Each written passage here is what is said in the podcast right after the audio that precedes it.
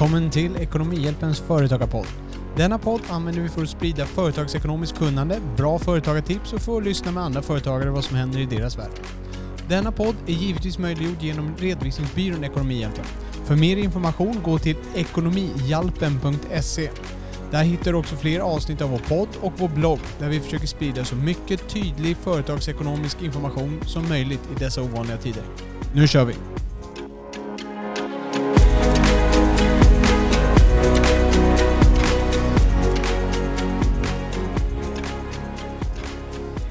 Ja, här är vi tillbaka med eh, en ny podd här, ett nytt poddavsnitt. Vi startade den här podden 2020 när Corona kom och eh, då, då var det lite ovanliga tider.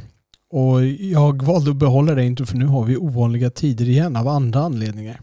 Så vi har dammat av vår gamla poddutrustning här och eh, hoppat in i båset igen och det känns ganska kul faktiskt. Det här var någonting som var väldigt roligt. Det försvann ju lite grann där i och med att tiden försvann ganska mycket. Vi fick mycket att göra på kontoret i och med corona lite grann. Eh, men också för att vi själva drabbades ju av coronans omständigheter där med sjukfrånvaro och med eh, med lite hackigt i jobbet och man inte kunde sitta på kontor och så vidare. Så att eh, det var ju lite mindre tid att göra jobbet på också. Men nu är vi tillbaka och eh, nu har vi lite annorlunda tider. Nu har vi lite inflation som vi ska prata om idag och möjligtvis en stundande lågkonjunktur som vi kan prata om eh, i ett annat avsnitt. Men idag är det inflationen vi ska fundera på. Jag tänkte prata lite grann först bara om vad inflation faktiskt är och sen tänkte jag prata lite grann om vem som styr inflationen med situationstecken runt omkring. Och slutligen, vad kan vi som småföretagare göra i den här situationen? Och där kan jag avslöja att det kommer vara två generella råd som jag kommer ha och ge då till oss som småföretagare vad man bör tänka på. Men låt oss börja med att prata lite om vad inflation är. Inflation är, det vi kallar inflation, det är att vi, vi mäter en korg med varor. Vi, vi, vi tar en korg med samma varor då och så tittar vi på den vid årets början och så tittar vi på årets slut. Och om den kostade 100 kronor i årets början och 101 kronor vid årets slut, då har det alltså varit 1% inflation för att priserna har stigit med 1% på den här korgen med varor. Så vi tittar över en mängd med varor för att se ett snitt där. Så att om, om bara vetepuffarna höjs så höjs inte inflationen. Men om det är vetepuffar och mjölk och oxfilé och Kalles Kaviar och toapapper och skjortan och blomjorden och soffan och globalkniven och bussbiljetten och bensinen. Om alla de där höjs, då har vi inflation. För att snittet, priset har liksom höjts på alla de här varorna. Det är det här som kallas konsumentprisindex, KPI. Och när vi mäter just inflationen använder KPIF, för vi, då tar man bort effekten av ändrade räntesatser. Så har vi valt att göra i Sverige. Jag tror inte man gör så i USA till exempel. Då har man vanlig KPI när man mäter det. Även om deras varukorg säkert är komponerad på annorlunda sätt än vi gör här i Sverige. Så det är alltså genom höjningen av konsumentprisindex, just KPIF, som vi officiellt mäter inflationen. Så när vi hör att inflationen är 9,7 procent då är det för att KPIF har stigit med 9,7 procent den här månaden jämfört med samma månad förra året. Det är så vi mäter inflation. Och vad är det då som skapar inflation? Jo, det ena är att det är kostnader som trycker upp det, som trycker upp priset på de här sakerna. Det kan vara kostnaden på råvarorna som man bygger det här för att efterfrågan har ökat. Det, det, det finns mindre av den varan så att kostnaderna, priset på råvarorna har stigit och då måste bagaren då som får betala mer för mjölet ta ut mer för brödet som han sen säljer. Då steg priset på bröd i den här korgen. Det kan vara lönerna som har stigit alla på ICA har eh, gjort en jättelyckad löneförhandling så att alla ICA-butiker blir tvungna att höja sina priser för att kunna betala sina löner och då höjdes matpriserna där generellt och då steg eh, priset på den här korgen. Det kan vara hyrorna. Det kanske är ont om verkstadslokaler. Då kan hyresvärdarna ta ut lite mer när företagen slåss om de här platserna. Så då trycker det upp. Så det, det är sådana saker. Liksom det blir tryck underifrån. Att kostnader trycker upp priserna. Så det, det är den ena kraften. Den andra kraften är att efterfrågan kan dra upp priser. Och det är ju till exempel om vi som människor, eh, när vi får mer pengar och vi får bättre välstånd, till exempel om man sänker skatten, då får vi mer pengar över och då kan vi köpa fler saker. Då blir det högre efterfrågan och då blir det högre priser. För det är fler som slåss om de här sakerna att köpa dem. Om vi sänker bankräntan, samma sak där. Om vi, vår bolåneränta sjunker, då är det fler som lånar pengar och det blir högre efterfrågan och då blir det högre priser. Tänk dig så här, Tänk att du är en ensam liten rörmokare i din firma Och, och, du hinner inte med hälften av alla kunder som ringer, för du är så bra så du bara, för alla vill ha dig. De bara ringer och ringer och ringer och vill ha din hjälp. Så det mest ekonomiskt optimala man kan göra då, det är att höja priserna precis till den nivå där det ringer precis så många människor så att du har jobb hela dagen. Då har du hittat den perfekta nivån på ditt pris. Men då var det ju det här efterfrågan drog upp ditt pris. Du höjde ju priset och du som rörmokare är en del av den här korgen. Så att priset på din tjänst har gått upp och då stiger inflationen om det är så generellt överlag. Men då är det alltså efterfrågan som drar upp inflationen i det här fallet. Så kostnaderna kan trycka upp och efterfrågan kan dra upp. Sen inom parentes kan jag nämna en som egentligen är en underkategori till efterfrågan för den här skapar efterfrågan och det är det här med att pengautbud ökar. Det är oftast det folk tänker på att ja men det är ju det, man har tryckt så mycket pengar så nu, nu blir det inflation. Det är en sanning med extremt många modifikationer och väldigt förenklad och bara en liten del av sanningen. Så låt oss först förstå varför priserna ökar när penningutbudet ökar. Så tänk dig att man står och budar på ett hus där. Du står och budar på ditt eh, nya hus och så är det fyra andra intressenter som du står och budar mot. Och all, ni har alla liknande ekonomi och efter ett tag så når buden sitt tak. Liksom ni, ni, ni, ni har budat så högt som ni kan. Ni kan inte gå högre för då, ni har inte mer pengar. Men sen plötsligt så den kvällen beslutar sig regeringen för att nu kommer ett nytt stöd, här delar vi ut pengar och så får ni 100 000 kronor var. Och plötsligt så kan ni buda lite mer på det här. Och då, ja, men då, då höjer ni ert bud nu för nu fick ni 100 000 kronor till. För det, kom, det bara kom mer pengar. Och då steg priset på det här huset. Och husägaren fick mer betalt. Så det det här bidraget gjorde var ju det, i och med att det fanns mer pengar så kunde ni betala mer för det här huset. Och då, kunde, då steg priset på huset och då stiger priset i den här korgen med varor igen. Och det vill säga det blir inflation. Så då kanske man undrar, var, varför varför delar staten ut pengar? Det är inte riktigt så här enkelt och det, det är lite mer komplext än här. Man brukar säga att staten trycker pengar. Och det, där kan vi bara ha en liten semantik i. Staten trycker inte pengar i någon utsträckning som är nämnvärd i de här sammanhangen. De mynt och sedlar vi har, det är, jag tror att det är mindre än 5% av alla våra kronor som finns i Sverige är mynt och sedlar. Så att, att de trycker pengar det, det, stämmer inte riktigt. Vi trycker absolut mynt och sedlar men de påverkar så jättelite. Det är inte det som skapar inflationen. Det, det, är det vi behöver för att vi ska kunna gå och handla och för att pensionärer som inte vill använda appar ska ha pengar som de kan handla med och så vidare. Så de, att vi trycker pengar, det, vi kan slänga bort det uttrycket överhuvudtaget. Det, det har inte med det här att göra. De mesta pengar som skapas i den privata sfären, där vi då gör våra förhandlingar mellan företag och banker, det är de privata bankerna. Det är när du går och tar ett lån. Du ska köpa ett hus, du vill låna två miljoner. Pang! två miljoner kronor har skapats. Man tänker ju ofta att ja, men vänta, man tar ju två miljoner från Pelle och ger det till Lisa som ska låna och så tjänar banken ränta för att betala Pelle mindre ränta. Nej, det är inte riktigt så det fungerar de facto utan man skapar två nya miljoner där. För det är inte så att banken tar Pelles pengar och ger till Lisa. Sen måste banken ha säkerhet. De har ju säkerhet de ska uppfylla. De kan inte låna ut hur mycket som helst. Och det, vi har ju satt in regler just för att det har skapat problem tidigare när bankerna har lånat ut för mycket. Och de har skapat massa produkter. 2008 skapade de massa konstiga produkter och var bolånebubblor och bla bla bla. Som skapar de här problemen. Och då hittar vi hela tiden på nya regler. Vi hittar på nya regler för att det ska bli mer och mer stabilitet. Och det blir mindre och mindre ostabilt. Helt enkelt. Vi tycker att lågkonjunktur och kunde Riksbanken ha tänkt på det här, kunde man ha gjort det här. Och vi lär oss som människor. Det här är det bästa vi har haft någonsin. Det här är det mest stabila system vi har haft någonsin. Om man tittar tillbaka så var det ännu värre förr. Liksom. Så kurvan går åt rätt håll men det finns nog mycket att hitta på fortfarande. Så att, men återigen till spåret. Eh, pengarna skapas i de mesta av de privata bankerna här. Så staten, alltså om man tänker sig regeringen, när de har skapat sin eh, budget och så har den blivit godkänd och så har de ett underskott så de får inte in tillräckligt mycket skattepengar för att betala allting. Och då behöver de låna pengar. Ja, då säljer de obligationer. Då säljer de obligationer till oss. Vi kan köpa som privatpersoner. Jag äger en liten, liten andel obligationer. Så att staten har lånat lite pengar av mig. Och sen är det då Riksbanken som köper väldigt många obligationer av staten för att ge dem pengar. Och då skapas det ju pengar. Där. Då, Riksbanken skapar ju pengar ur tomma luften där och ger till staten. Och sen när staten betalar tillbaka de pengarna, då försvinner de pengarna igen. Så staten kommer ju betala igen de här pengarna. En obligation är ju en skuld. Om 10 eller 30 eller 5 eller 2 år, då ska den här betalas tillbaka. Så då kommer man pengarna tillbaka till Riksbanken och då försvinner de igen. Så att det här, det här pengasystemet vi har, det är inte så att oj nu tryckte vi några nya sedlar och nu vart det mer pengar i vägen. Utan det är som en ballong som blåses upp och dras ihop under olika omständigheter. Och det är ett verktyg vi har att blåsa upp och dra ihop den för att hjälpa och stabilisera vår ekonomi.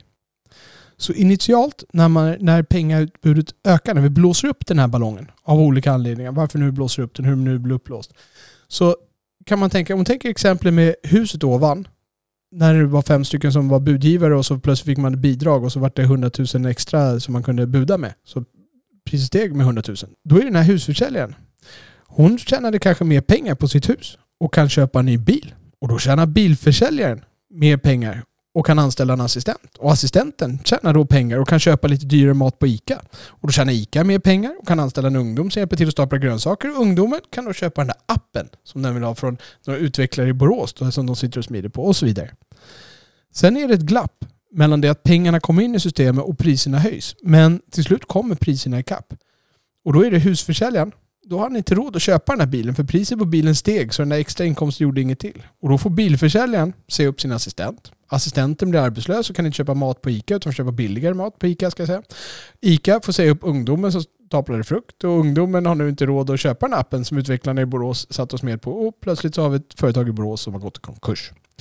Så att initialt skapar det tillväxt när man tillför pengar men till slut kommer priserna i kapp om allting ökade i samma takt, nu om vi fortfarande pratar om pengamängden, om allting ökade i samma takt så skulle inte mängden pengar skapa inflation. Om vi då tänker oss att vår befolkning ökar med 10% på ett år.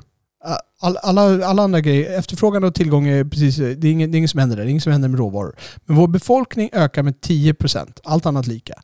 Och vi tillverkar 10% mer saker än vi gjorde. Och vi skapar 10% mer pengar då blir det ingen inflation. För att då har, vi, då har allting bara ökat i samma... Vi behöver inte öka priserna för det finns 10% mer saker som köps av de här 10% mer människor som har de här 10% mer pengar. Så varje människa har lika mycket pengar och köper lika många saker och det finns precis lika många saker. Så att efterfrågan och tillgång ändrades inte. Så att vi ökar antalet pengar betyder inte nödvändigtvis att det blir inflation. Utan det beror på hur mycket vi producerar som människor och hur vår befolkning ändras, om den stiger eller sjunker. Så att, att vi skapar pengar är inte automatiskt att vi får inflation, utan det beror på om vi skapar mer pengar än vi har produktion, kan man säga. Lite förenklat sett. Om vi då utgår från att befolkningen ökar i en jämn takt.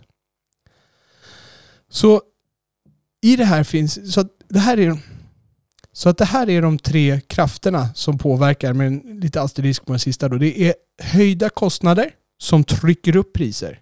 Vi har efterfrågan som drar upp priser. Och om pengamängden ökas, då skapar ju det också högre priser.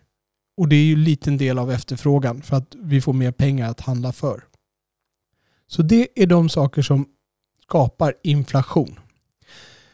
Så när man då ska hålla på med det här med inflation, då, ligger, då finns det en utmaning i det här. Det är att olika saker stiger i olika takt. Vi har löner och annan inkomst stiger i en takt, varupriserna stiger i en annan takt och boendekostnader stiger i en annan takt och så vidare. Vi vet till exempel att hyrorna ja, de höjs årsvis. Det finns indexreglering så de har den där pulsen. Lönerna kanske det är lite fördröjning på för det behöver vara inflation ett tag innan arbetsgivarna inser att ah, okay, vi kanske måste höja lönerna där. Bensinen den höjs ju pang, den höjs ju samma dag som någon tycker att oljepriset ska gå upp. Liksom. Så att det är väldigt olika takt på hur de här höjs. Det blir fördröjningar, det är svårt att mäta. Det, det är utmanande. Så först kanske det är så att eh, vår inkomst höjs för att vi får eh, mer lön eller vi kanske får mer bidrag eller lägre skatt eller bättre avkastning på våra aktier eller mer pengar när vi säljer vårt hus och då känner vi oss rika. Och då köper vi mer saker. Och sen höjs ju dock priserna som vi pratade om. Då höjs priserna till slut där. Och trots att vi har samma inkomst så känner vi oss fattigare. Trots att vi har den där högre inkomsten som vi fick så känner vi oss fattigare för nu har vi inte råd att köpa de här sakerna längre. Och det är här vi kommer in på ett lite mer avancerat koncept. Tänk inte på hur mycket pengar vi har. Alltså tänk inte på hur många kronor vi har. Tänk på hur mycket köpkraft vi har. Då blir det här lättare att förstå, liksom lättare att ta till sig hur man ska bearbeta det med inflation. Så det är så här, om du stod med 10 kronor i handen för 50 år sedan, då fick du 4 liter mjölk. Idag får du knappt en liter. Det är samma antal kronor. Du har 10 kronor både då och nu. Men du får ha bara en fjärdedel av köpkraften. Den räcker bara till en fjärdedel så mycket mjölk. Som då som nu. Och så om vi då tänker oss så här, om vi har ett antal kronor på ett konto utan ränta år efter år eller om vi får samma lön i kronor år efter år, så minskar sakta men säkert vår köpkraft. Vi blir fattigare utan att tjäna mindre pengar, för vår köpkraft sjunker. Så om inflationen är hög, då är det ingen idé att spara pengar för att köpkraften sjunker. Då kan man lika gärna köpa en guldring. Så om man tänker så här, att om du har 50 000 kronor på ett konto utan ränta, eller i madrassen för den delen, så tappar vi köpkraft varje dag. Men om vi istället köper en guldring för de här 50 000 kronorna och så vårdar vi den här ringen väl så att den behåller sin glans och, och är jättefin. Då kommer priset på den här att stiga i takt med inflationen. Förutsatt att populariteten på guldringar är precis likadan om tio år. Att guldringar är precis lika populära om tio år som idag. Då kan vi sälja den för ett högre antal kronor. För då har priset stigit. Men vi behåller vår köpkraft. Vi har alltså samma köpkraft för att vi hade de här 50 000 kronorna i en ring istället för kronor. Så det är konceptet med köpkraft. Så det, det, det är det sista jag vill lämna er med när vi pratar om inflationen, vad det är för någonting. Och då kommer vi in på den här frågan inom situationstecken, vem styr inflationen? Och vid det här laget så hoppas jag att det har framgått att inflationen i mångt och mycket är en naturkraft som beror på en mängd olika faktorer. Vi kommer bladda igenom det här och återbevisa det igen. Det, det är naturliga såsom råvaror, sociala såsom lyckade löneförhandlingar, ekonomiska såsom stigande välstånd på grund av att vi producerar mera saker.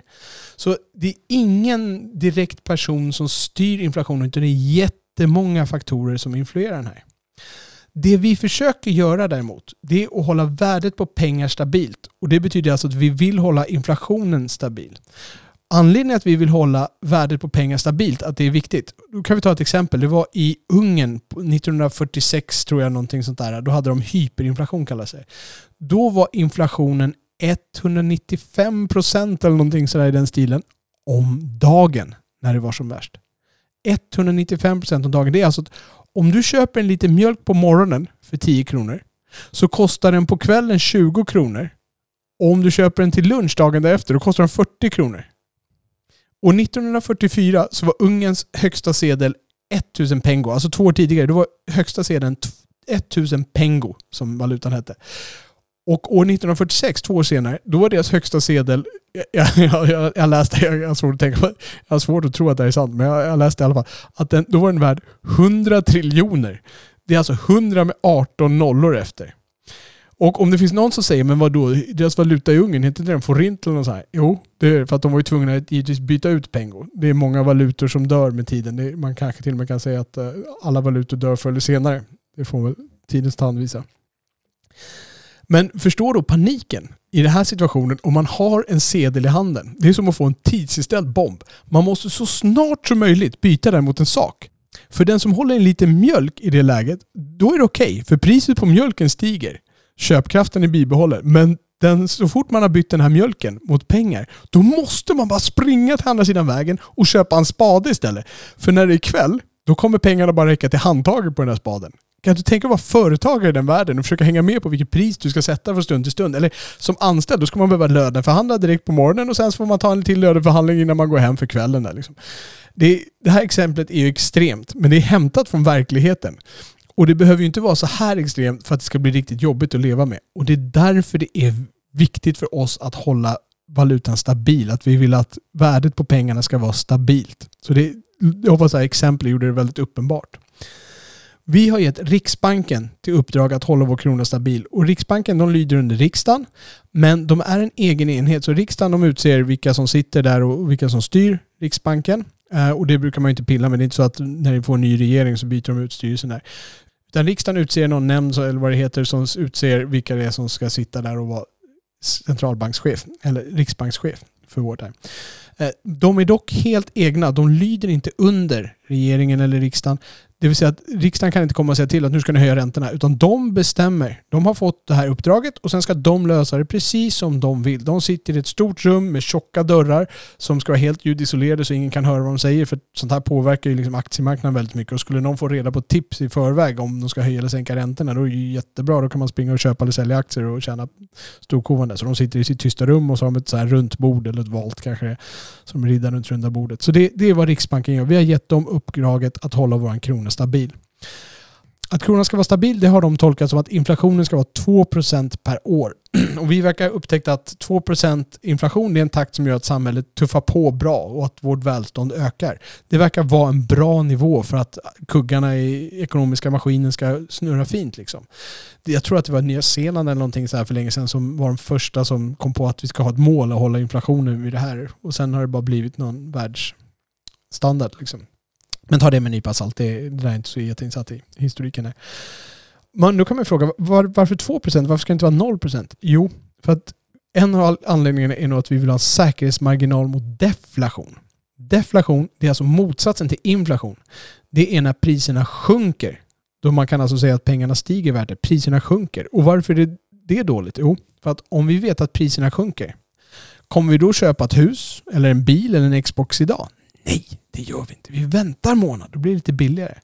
Och om alla väntar så blir det inga intäkter för företagen. Om företagen inte får intäkter då måste de säga upp personal. Om de säger upp personal så blir det många arbetslösa och då kan vi köpa ännu mindre och fler företag måste säga upp. Och ni ser den onda spiralen som det här skapar. Vår ekonomi kräver att vi producerar saker och bygger gott på att pengarna cirkulerar. Produktion är nyckeln till att vårt välstånd ska öka. Och pengarna är liksom medlet som gör att vi kan byta, byta de här sakerna lättare. Så det är vad vår ekonomi bygger på, produktion. Så Riksbanken, om vi går tillbaka till dem, det de har att jobba med det är styrräntan och vi hör jättemycket om den nu. Det kallas även reporäntan. Styrräntan som de sätter, den påverkar statslåneräntan och statslåneräntan det är den ränta som bankerna har när de lånar varandra eller när de lånar av eh, Riksbanken. Och Det betyder att om bankernas måste betala mer för sina lån sinsemellan, då kommer de ta ut det på våra lån. Det är därför styrräntan får liksom den genomeffekt att det höjer vårt bolån. Så när Riksbanken höjer räntan, vips, så höjer ju Handelsbanken och SEB och Swedbank och Nordea, då höjer de sina bolåneräntor för att de måste ju tjäna pengar däremellan. Så att de är ju jättesnabba med att göra det. Så det är det verktyget som Riksbanken har. Och när de höjer räntan, då bromsar de konsumtion och tillväxt i samhället. För att om räntan stiger, då blir vi dels mer sugna på att sätta in pengar på ett sparkonto. Vi har ju börjat få lite, lite ränta på våra sparkonton igen. Det känns som jättelänge sedan. Så att när vi stoppar in pengarna där på våra sparkonton, då kommer vi köpa mindre. För nu ligger de på sparkontot istället. Men vi måste också betala mer ränta för våra bolån. Så att vi får ju mindre pengar att köpa för. För att bolånet tar ju mer pengar. Och sen så blir vi mindre sugna på att ta nya lån för att köpa den här bilen till exempel. För att räntorna är högre. Och då köper vi ännu mindre där. Så att det är många faktorer som gör att vi börjar köpa mindre. Och då får företagen mindre pengar och kan inte växa. Och om företagen inte växer, då tjänar vi som samhälle inte lika mycket pengar och då slutar vårt välstånd att växa. Men det gör ju också när vi inte köper saker, då sjunker efterfrågan. Då slutar vi dra upp priserna. Det är ju därför att dra i den här spaken och höja räntorna, det, det är negativt för vår tillväxt i samhället. Men det drar också ner priserna. Så att nu är det, en, det är som en besk medicin vi behöver ta just nu när vi höjer räntorna. Skulle vi sänka räntorna då är det givetvis tvärtom. Vad är det för poäng med att spara på ett konto om man inte får en ränta? Nej, vi går ut och handlar istället. Våra bolån blir billigare och vi kan köpa mer istället för att betala ränta till banken. Vi kan låna pengar billigt. Ja, då köper vi den där bilen för det kostar ju nästan ingenting att låna pengar. Och företagen får mer då pengar för att det är folk som köper och då kan de växa och anställa fler personer som i sin tur kan köpa mer. Och förutsatt att vi producerar mer så växer vårt välstånd som samhälle. Så att när man drar ner räntan, ja då får man de positiva effekterna. Men då blåser det upp inflationen också. Så det är det här Riksbanken har att sitta och dra i den här spaken och försöka balansera det där. Jag kan också nämna det att styrräntan påverkar växelkursen. När, så att när, vi hör ju nu att dollarn den är jättedyr. Liksom. Dollarn har blivit jättedyr. Och det är ju för att USAs riksbank går ju i bräschen för att höja räntan snabbast av oss alla. De är väl uppe i över 3,75 är de någonstans där. Vad är vi i Sverige? Vi två, jag har så många räntor. Vi höjde, EU höjde nu till 1,75 eller så här. Så att det betyder att det blir mer attraktivt för folk att stoppa in pengar i USA. För där får du mer ränta för pengarna. För deras ränta är uppe mer högre där. Då vill man ha mer av de pengarna, simpelt förklarat. det blir mer efterfrågan på dollar. Det är jättemånga andra faktorer som spelar in. Men det här är, det är, liksom, det är den stora anledningen till att dollarn har blivit så mycket dyrare. Så att om vi höjer räntorna i Sverige, då är det fler utomlands som vill öppna sparkonton här i Sverige. Då blir kronan lite starkare, det blir bättre efterfrågan. När kronan blir starkare, och när kronan blir starkare, då kan vi köpa fler euro för de kronor som vi lägger ut. Och när vi kan köpa fler euro, då kan vi köpa fler varor i Europa för samma pengar. Så då kan vi åka till Tyskland eh, och få mer, mer saker för samma pengar än vad vi gjorde för ett tag sedan för att kronorna blir starkare. Vi tar våra tusen kronor. För två månader sedan fick vi bara tio saker för den. Nu får vi tolv saker för den. Så då åker vi ner och köper tolv saker. Det gör att våra kostnader blir lägre. Och då blir våra priser lägre. Och då blir inflationen lägre. Så att när man drar den här spaken, det, det är alltså också en effekt som påverkar inflationen. Med, när vi höjer styrräntan. Så att styr, det har stor effekt när vi höjer räntan att trycka ner inflationen. Så summa summarum är styrräntan en huvudsaklig spak som Riksbanken har att dra i för att balansera inflationsnivån och vår tillväxt. Så att det är liksom när de drar åt ena hållet då blir det mindre inflation men sämre tillväxt. Och när de drar åt andra hållet då blir det bättre tillväxt men mer inflation. Så att det är en jättesvår balansakt där.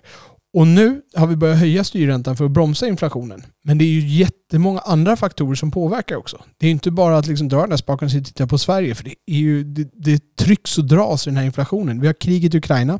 Det har skapat en brist på till exempel vete. Så att då stiger vetepriserna, mjölet, pastan, vad du vill. Liksom. Det, kanske, det finns inte lika mycket att, att hämta hem i vete längre, då kommer priserna stiga där. Det skapar en ekonomisk osäkerhet i världen så att eh, folk vet inte riktigt vad de ska göra och kanske håller i pengar lite mer, kanske gör sådär. Det, det liksom, man vet inte riktigt vad som händer där.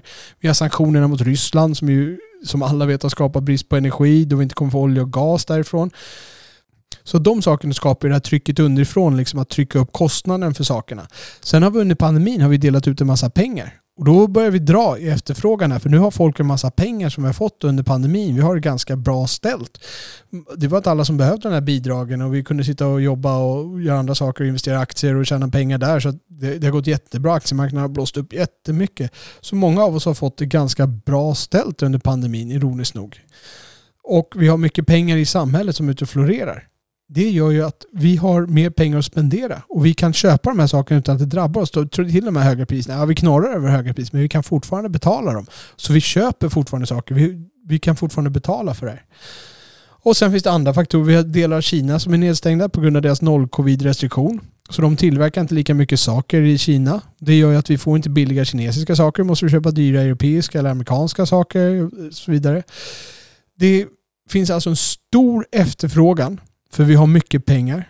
Men det finns dålig tillgång på grund av alla de anledningarna jag sagt det och många saker därtill. Och saker som kommer och går liksom hela tiden.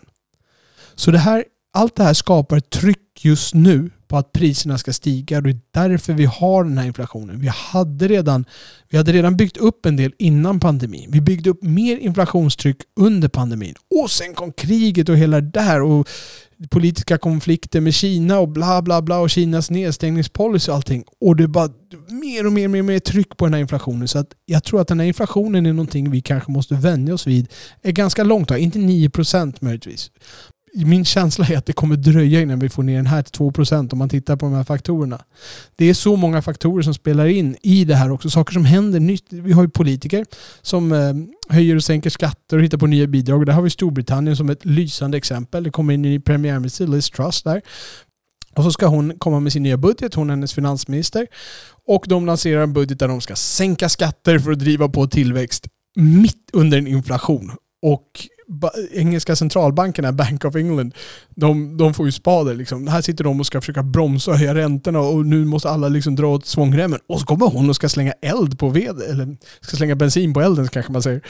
Och det, det var ju därför det blev ett sån kalabalik kring det här och det pensionssystemet vart ju skakat och de var tvungna att gå in och stödköpa obligationer för att pensionssystemet inte skulle gå under och så vidare. Och då att när banken då får gå ut och stödköpa grejer, då trycker de ut mer pengar för de köper saker, då ger de pengar, deras centralbank köper saker, då ger de pengar till samhället så då ökar pengamängden och då blir det inflation. Så att de var ju tvungna att bidra till inflationen trots att de ska försöka bromsa inflationen för att de måste rädda det som regeringen gjorde. Och det var ju därför det blev en sån kalabalik där. Och eh, de åkte ut med hull och hår där och nu sitter en ny, förhoppningsvis lite, eh, lite mer återhållsam premiärminister på Englands bänk. Så det är en faktor som spelar in där, politiken. Sen kan det ha andra prishöjande brister. Det kan ju hända att eh, det av naturliga skäl så blir brist av råvaror. Det kan vara dålig skörd. Det kan vara problem att hitta olja etc. Och sånt där. Det kan vara, om man ska ta ett absurt exempel, man belyser principen, det kan vara ett fackförbund som lyckas osedvanligt väl i en löneförhandling och därmed höjer lönen för en stor andel människor. Ingen av de här sakerna i sig gör ju det här, men om det är flera olika saker samtidigt, ja då blir det ju problem. Och vi kan ju dessutom historiskt notera att populistiska ledare och än mer diktatoriska ledare, de tenderar att starkt vara ekonomiskt osunda och skapar inflation. Och sådana börjar vi se lite mer poppa upp överallt i de flesta led. Så att det finns många tendenser att hålla, hålla koll på det här. Det finns, mycket, det finns mycket som bidrar till de här gungningarna i inflationen. Så vi behöver ha respekt för alla världens centralbanker som sitter och jobbar för att skapa ett stabilt värde på valutorna. Det här är inte ett lätt jobb. Så summa summarum, vem styr inflationen? Det är ingen som styr inflationen, men vi försöker hålla ett stabilt värde i inflationens storm. Just nu i alla fall storm. För att eh, skapa ett stabilt samhälle. Det är centralbankernas uppgift att hålla stabilt värde. Så då kommer vi till den tredje och kanske den viktigaste frågan. Vad fasen ska vi som småföretagare göra? Vi måste vara på tårna. Prishöjningar, de måste ske punkt slut. Prishöjningar ska ske punkt slut. Men jag har svårt att höja mina priser kanske någon säger. Ja, jag förstår. De flesta av oss småföretagare de går runt och tror så här, om jag höjer mina priser så kommer alla kunder gå någon annanstans. Vi överskattar alla, jag är själv skyldig till det, vi överskattar alla effekterna av en prishöjning. Vi, vi måste vara medvetna om att i talande stund så har vi en inflation strax över 9%. Det betyder att just nu har vi sänkt våra priser med 9%. Om vi inte har höjt dem nu så har vi alltså sänkt dem med 9%. Vi tjänar 9% mindre per timme eller per vara vi säljer, vad det nu är, än vi gjorde för ett år sedan. Vi måste höja våra priser med 9% för att tjäna lika mycket som vi gjorde förra året. För att behålla den här köpkraften som vi pratade om då måste vi höja med 9%. Annars har vi blivit fattigare trots att vi får lika många kronor. Så det är för att inte förlora pengar måste vi höja priset med 9%. Och dina kostnader, de kan garanterat stiga med 9% om de inte redan har gjort det. För Telia, de kommer att höja din telefonräkning. Hyresvärden kommer att indexreglera din hyra. Dieselkostnaden är redan skyhög och så vidare. Så alla dina kostnader, de kommer att stiga med 9% om de inte redan har gjort det. Så det betyder att vi måste välja mellan att säga att det är okej, okay, jag kan tjäna mindre pengar från och med nu. Eller så måste vi höja våra priser. Det finns inget tredje alternativ. Antingen höjer vi våra priser eller så tjänar vi mindre pengar. Det andra som vi behöver tänka på det är att vi måste vara beredda på lönehöjningar om vi är anställda. För precis som vi får 9% mindre inkomst som företagare än förra året om vi inte höjer våra priser så får våra anställda 9% lägre lön om vi inte höjer deras löner. Så om vi har anställda, då är det ännu viktigare att vi höjer våra priser. Det kan vi säga först. Så att har vi anställda, då är det ännu viktigare att vi höjer våra priser. Så vi måste förbereda oss för löneförhandlingar och, eh, och alla frågor som kommer komma upp där. Och här är det dock lite mer fingertoppskänsla för hur och när vi gör det här. Och det man måste hålla en balans mellan företagets krassa ekonomi i siffror. Alltså den krassa ekonomin, bara siffrorna på pappret, den skulle jättegärna se att människor jobbar gratis och gör ett jättebra arbete liksom. Eller för en billig peng i alla fall. Men sen ska ju det balanserat mot vi som människor, våra ekonomiskt välmående och vår tillfredsställelse. Så vi måste hitta en balans däremellan. Mellan företagets krassa ekonomiska siffror och vårt ekonomiska välmående och tillfredsställelse som människor. Sen kan man tänka så här, lönerna de kommer säkerligen höjas hos konkurrenter förr eller senare. Och ifall vi är i en sån här situation där vi konkurrerar om kompetenta kollegor, där lönen spelar stor roll, då kanske vi behöver agera mer skyndsamt. Då kanske vi har mer bråttom. Är det så eh, att vår situation kanske är att vi har svaga marginaler vi har inte särskilt mycket vinst, ja då kanske det är jätteviktigt att vi måste höja priserna först så att vi har råd att betala ut högre löner lite längre fram. Så att det finns massa olika situationer. Man behöver titta på det specifika företagets situation och det specifika företagets kultur. För kulturen spelar in i det här, hur man ska närma sig det här. Jag kan till exempel säga, vi är lite annorlunda här på Ekonomihjälpen. Vi har en platt och transparent, alltså en genomskinlig organisation. Vi är öppna med allting. Vi sätter löner på varandra, är, vi har ingen chef, det är ingen löneförhandling och sådär. Vi driver det här företaget tillsammans. Så jag vet att vi är lite, vi är lite annorlunda här. Men låt, låt mig ta det som ett exempel ändå, för det är det jag känner bäst vi har haft en sittning här nu och vi har diskuterat öppet om hur vi ska lösa den här situationen. Vår princip är att eh, om allt annat lika då får man löneförhöjning med minst inflationen. Men det betyder ju 9% höjning i, i år. Liksom. Så det, det, är en ganska extrem situation så därför behövde vi diskutera det. Det vi kom fram till var att vi, vi ska höja våra priser. Det har vi alltid gjort. Vi har alltid höjt priserna med inflationen och det kommer vi göra i år också. Bara, normalt har det varit 2% per år. Liksom. Det, varit, det märks knappt. Det blir några kronor mer där, en tia mer där. Nu kommer det vara nästan 10% upp. Alltså. Det är 9% som våra priser kommer gå upp. Men vi väljer att höja våra löner för de som då bara ska ha inflationshöjning. 4 procent max. Att vi, sänk, vi höjer inte inflationen på lönerna. Anledningen att vi väljer det, och jag tar bara det här som exempel, det här är inte en rekommendation att säga att det fungerar, men bara att visa hur man kan tänka, hur vi har tänkt. Och anledningen för det är att vi vill skapa en marginal för oss mellan löner, för det, det kommer bli kärvare tider. Så att om vi höjer våra priser lite mer och våra löner lite mindre, då kommer företaget att tjäna lite mer om allting annat vore lika. Men sen har vi det här att det kanske är någon kund som försvinner på grund av löneökningen det är tuffa tider, det kommer kanske bli lågkonjunktur, det kommer kanske försvinna där. Så vi har marginal för att våra intäkter kommer krympa. Sen är det också en sån här faktor som att vi vet ju inte hur lönerna i branschen kommer att stiga med det här. Och kommer alla redovisningsekonomer få 9% löneförhöjning? Eller kanske inte. Till exempel redovisningsbranschen har ju lönerna där har stigit mycket mer än många andra branscher. Vi har, vi har haft kraftig stigning på sista tiden. Så att köpkraften för redovisningsekonomer har ökat ganska markant de senaste åren. Och nu kanske den kommer krympa lite grann för vi höjer inte lika mycket som inflationen. Och det kommer vi se liksom i fördröjning. Och vi har ju ett mål av att ligga liksom på samma snitt som redovisningsekonomerna i, i vår bransch. Så att då har vi dessutom en marginal. Ifall redovisningsbranschen följer med 9%, ja då kommer våra gå upp dit när vi då ska kolla på snittet här om två år kanske. Så då kommer vi komma ikapp ändå. Är det så att redovisningsbranschen tappar lite köpkraft generellt, ja då kommer vi ligga ganska rätt på våra priser där. Så då har vi också den faktorn där. Så så har vi tänkt kring det här. Så återigen, det är inte en rekommendation utan det är bara ett sätt att visa hur man tänker och jag vet att vi är lite extremt annorlunda här.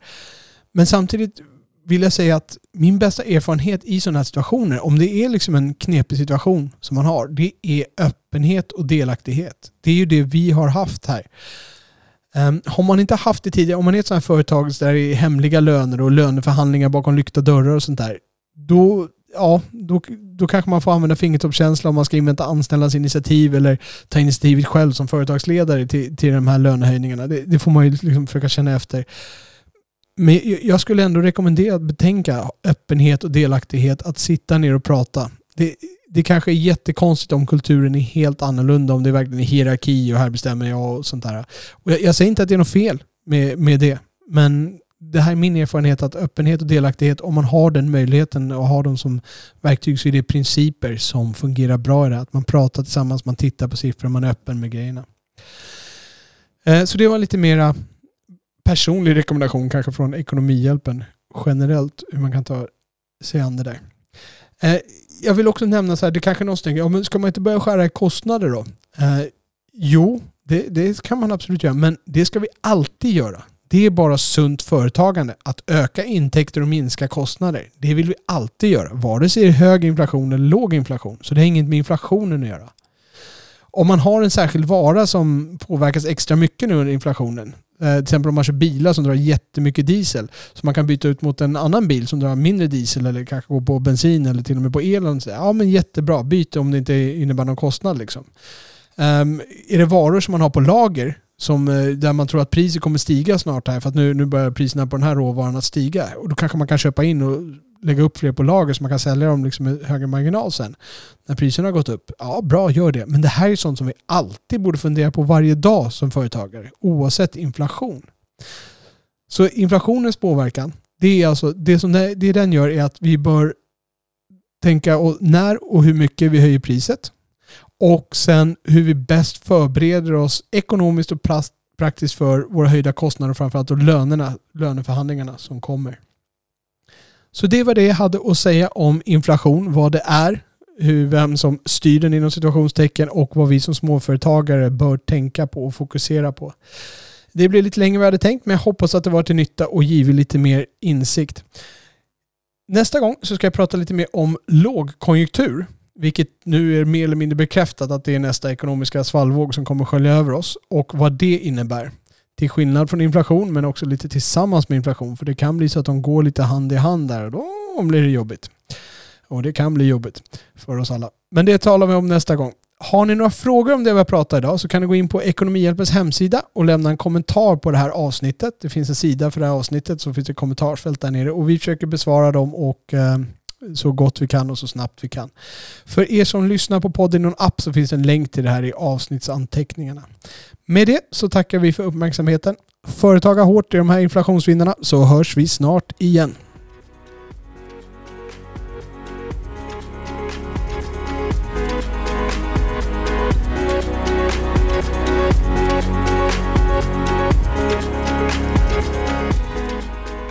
Du har lyssnat på Ekonomihjälpens företagarpodd. Du hittar sammanfattning och länkar i avsnittsanteckningarna på Ekonomihjälpens hemsida, ekonomihjälpen.se, samt i appar som visar avsnittsanteckningar. Podden är möjliggjord av redovisningsbyrån Ekonomihjälpen som ni alltså finner på ekonomihjälpen.se. Med det så tackar vi för oss. Företaga lugnt.